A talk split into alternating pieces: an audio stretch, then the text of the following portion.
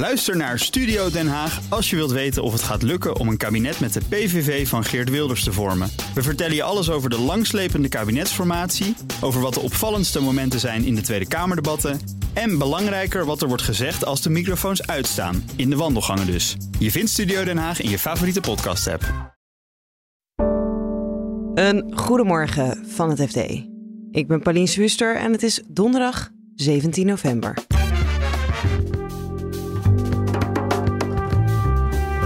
De groei van Just Eat Takeaway lijkt soms sneller te gaan dan het bedrijf kan bijbenen. Je zou kunnen zeggen dat het bedrijf een, uh, een puber is van wie het uh, lichaam volwassen is, maar de geest nog niet. De Nederlandse bank waarschuwt voor de mogelijke gevolgen van het gebruik van big data in de verzekeringswereld. Hoort deze persoon bij die groep die voor mij het meest interessant zijn en die ik dan wel wil verzekeren? Of hoort hij bij de veel grotere groep waar ik wat minder aan kan verdienen en waar ik dan geen interesse in heb? En je hoort hoe het ervoor staat op de klimaattop in Egypte. De onderhandelingen op deze top die zitten nog altijd muurvast. Dit is de dagkoers van het FD. We beginnen bij de cultuur bij Just Eat Takeaway. Morgen komen de aandeelhouders van de maaltijdbezorger bijeen en dan stemmen ze onder andere over de terugkeer van directeur Jurk Gerbig. Hij werd in mei dit jaar geschorst en kwam in augustus weer terug. Retailredacteur Julia Cornelissen vertelt waarom hij destijds geschorst werd. Nou, hij werd geschorst vanwege, zoals het bedrijf het zelf noemde, mogelijk wangedrag op een bedrijfsevenement. Um, wij hoorden al vrij snel dat dat evenement uh, de skireis was, die dit voorjaar door uh, Just Eat Takeaway werd georganiseerd. En hoe ziet zo'n skireis eruit? Dat was best wel uh, een groot evenement. Ze hadden uh, het Zwitserse dorp Arosa, ik wou zeggen afgehuurd. Je kunt een dorp natuurlijk niet afhuren, maar het kleurde wel oranje. Dus er wapperden oranje vlaggen, mensen kregen oranje jacks. De merchandise was uh, everywhere, waardoor dat dorp helemaal werd overgenomen door Justy Takeaway. Hotels afgehuurd, veel feestjes in de avond. Dus dat was een, een groot en ook duur um, evenement. Ja. Er is uiteindelijk ook een onderzoek gedaan naar uh, dit incident. Weten we nou nu wat daar is gebeurd? Um, nee, en daar komt ook de onvrede van een aantal werknemers van Just Eat Takeaway vandaan. Ze zijn een uh, extern onderzoek gaan instellen na die schorsing. En um, eigenlijk communiceerden ze daar in augustus, toen hij mocht terugkomen, heel sumier over um, het onderzoek had uitgewezen dat hij mocht terugkeren bij het bedrijf. Maar zoals werknemers tegen ons zeiden, uh, bleef het onduidelijk of dat onderzoek hem nou echt vrijpleitte of dat de klachten te licht waren om hem de laan uit te sturen. Ja, want hij had wel zijn excuses aangeboden. Ja, ja, we hebben een interne aankondiging van hem ingezien. En daarin uh, zei hij dat hij zijn excuses aanbiedt, dat hij zijn leven gaat beteren. Dus hij gaat wel uh, enigszins door het stof, maar het gaat absoluut niet over de inhoud van de klacht. En jullie hebben veel mensen gesproken die er werken of hebben gewerkt of weten hoe het is om daar te werken. Um, ja. Wat is de cultuur die daaruit komt? Nou, wat ik een hele mooie metafoor vond van een, uh, een bron is um, dat het bedrijf een, uh, een, puber is van wie het lichaam volwassen is, maar de geest nog niet. Dus de cultuur is dan de geest. Het bedrijf is natuurlijk heel snel gegroeid, maar de bedrijfscultuur heeft die groei niet bijgehouden, is onze indruk. En hoe uitzicht dat?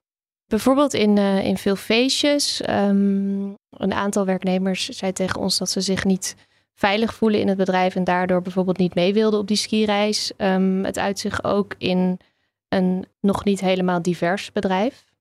Want hoe zit het met de diversiteit bijvoorbeeld in de top? Ja, wij zagen um, een document waarin percentages stonden van verdeling tussen mannen en vrouwen in het bedrijf ook in uh, de hoogste managementlagen. En daarin zaten in twee teams helemaal geen vrouwen. Dat is ook uh, zo in de raad van bestuur. En uh, ook in de andere hoogste managementteams zaten veel minder vrouwen. En het is ook nog zo dat de raad van commissarissen niet voldoet aan het vrouwenquotum voor beursgenoteerde bedrijven. Een derde moet het zijn, toch? Ja, klopt. Een derde van, het, van de raad van commissarissen moet uh, vrouw zijn. En zij hebben op dit moment, of in ieder geval na vrijdag, hebben zij uh, vijf mannen en twee vrouwen in die raad. Ja, maar ze zeggen zelf dat ze er wel aan voldoen. Ja, klopt. Um, want er zijn wel wat mazen in die wet. Er zijn uitzonderingen mogelijk, uitzonderingssituaties. En daarnaast is het volgens mij zo dat ze de vrouw eerst benoemen waardoor ze eh, voldoen aan het quotum en vervolgens een man benoemen. En dan heb je blijkbaar al voldaan. Ja. En, en ze zeggen ook dat ze nog op zoek zijn naar een, uh, een commissaris en dat ze daarvoor een vrouw zoeken.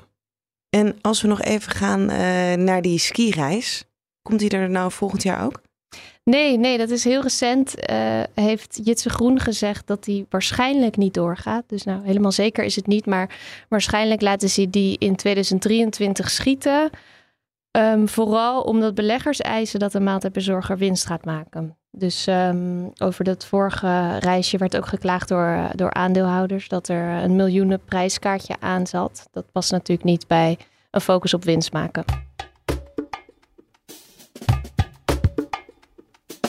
Sommige consumenten kunnen straks mogelijk geen betaalbare schade- of levensverzekering meer afsluiten. Daar vreest de Nederlandse bank voor. Dat zou komen door steeds meer gebruik van algoritmes, vooral door nieuwe buitenlandse partijen.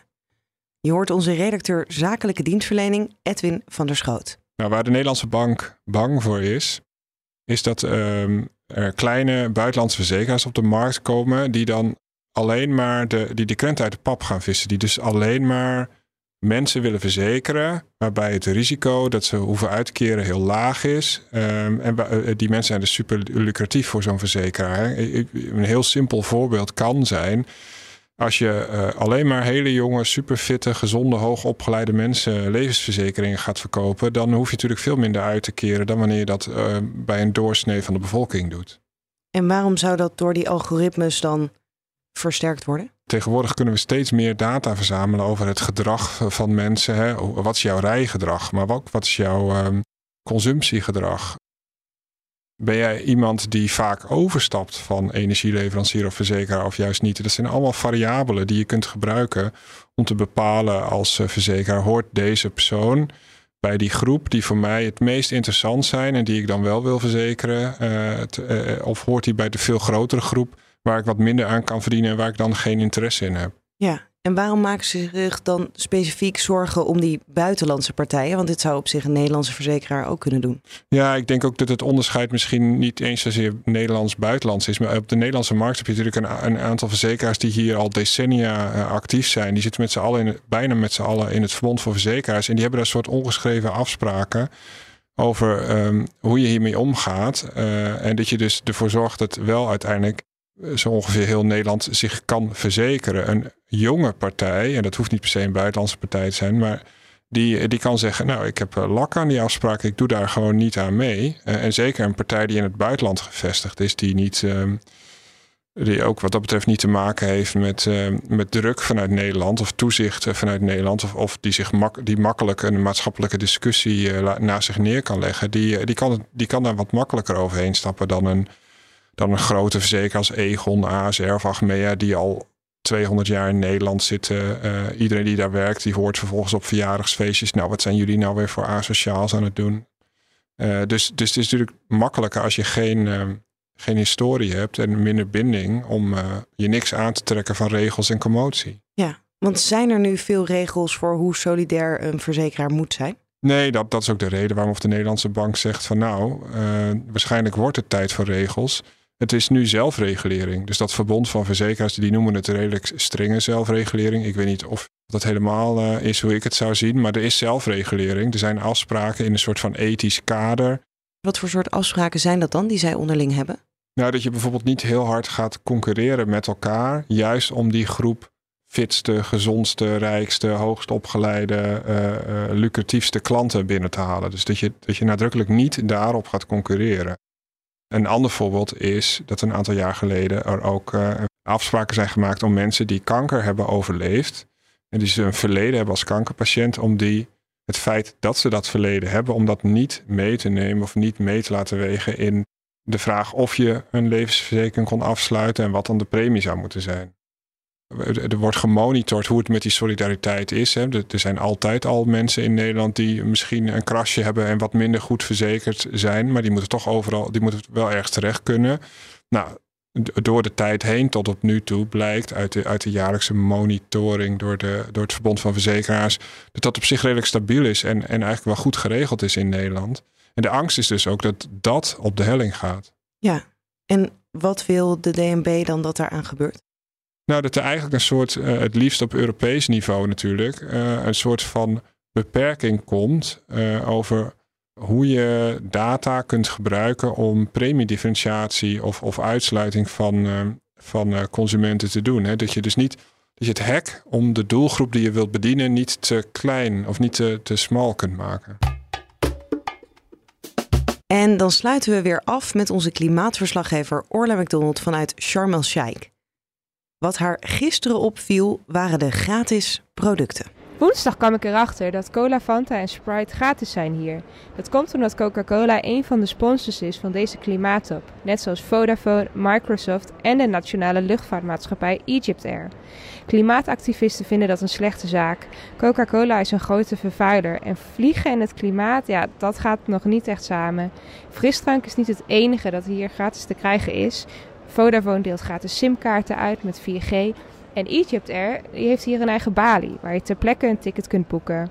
Vorig jaar in Glasgow was dat echt heel erg anders. Toen waren alle producten en alles wat te krijgen was eh, juist lokaal geproduceerd. Dat Sharm el-Sheikh anders heeft gekozen, zegt eigenlijk ook wel iets over de plek waar deze top wordt gehouden. Het voelt namelijk een beetje aan als Las Vegas in de woestijn.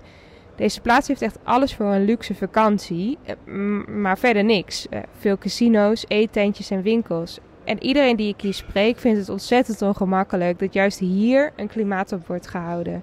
Waarom is dat nou zo gekozen? De Verenigde Naties die zijn opgedeeld in vijf regionale groepen. En Afrika die was dit jaar aan de beurt. En ja, die kozen voor Egypte. En Egypte die koos voor Sharm el-Sheikh. Er zijn hier vaker grote toppen gehouden. Volgend jaar is de top in Dubai, in de Verenigde Arabische Emiraten. Uh, verder voor wat betreft de inhoud, de onderhandelingen op deze top, die zitten nog altijd muurvast. Ontwikkelingslanden willen nog altijd een apart geldfonds voor klimaatschadevergoeding. En de VS die zijn nog altijd tegen. De EU die probeerde daarom woensdag een doorbraak te forceren door zelf een voorstel te doen op dit thema. Eurocommissaris Frans Timmermans wil dit jaar via al bestaande fondsen, zoals bijvoorbeeld ontwikkelingshulp, meer geld geven aan arme landen. En hij wil uiterlijk volgend jaar beslissing nemen over een apart fonds voor klimaatschadevergoeding. Hij kwam ook gelijk met geld over de brug woensdag. De EU die gaat 1 miljard aan ontwikkelingslanden geven om zich te kunnen beschermen tegen klimaatverandering. En 60 miljoen om de schade te herstellen die nu al is veroorzaakt.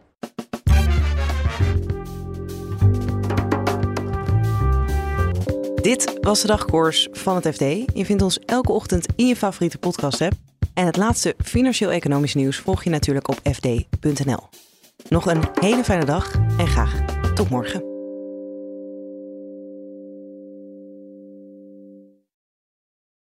Ook Harm Edens vind je in de BNR-app. Je kunt BNR Duurzaam niet alleen live luisteren in de app, maar ook terugluisteren als podcast, zoals al onze podcasts. En naast dat de BNR-app Breaking News meldt, houden we je ook op de hoogte van het laatste zakelijke nieuws. Download nu de gratis BNR-app en blijf scherp.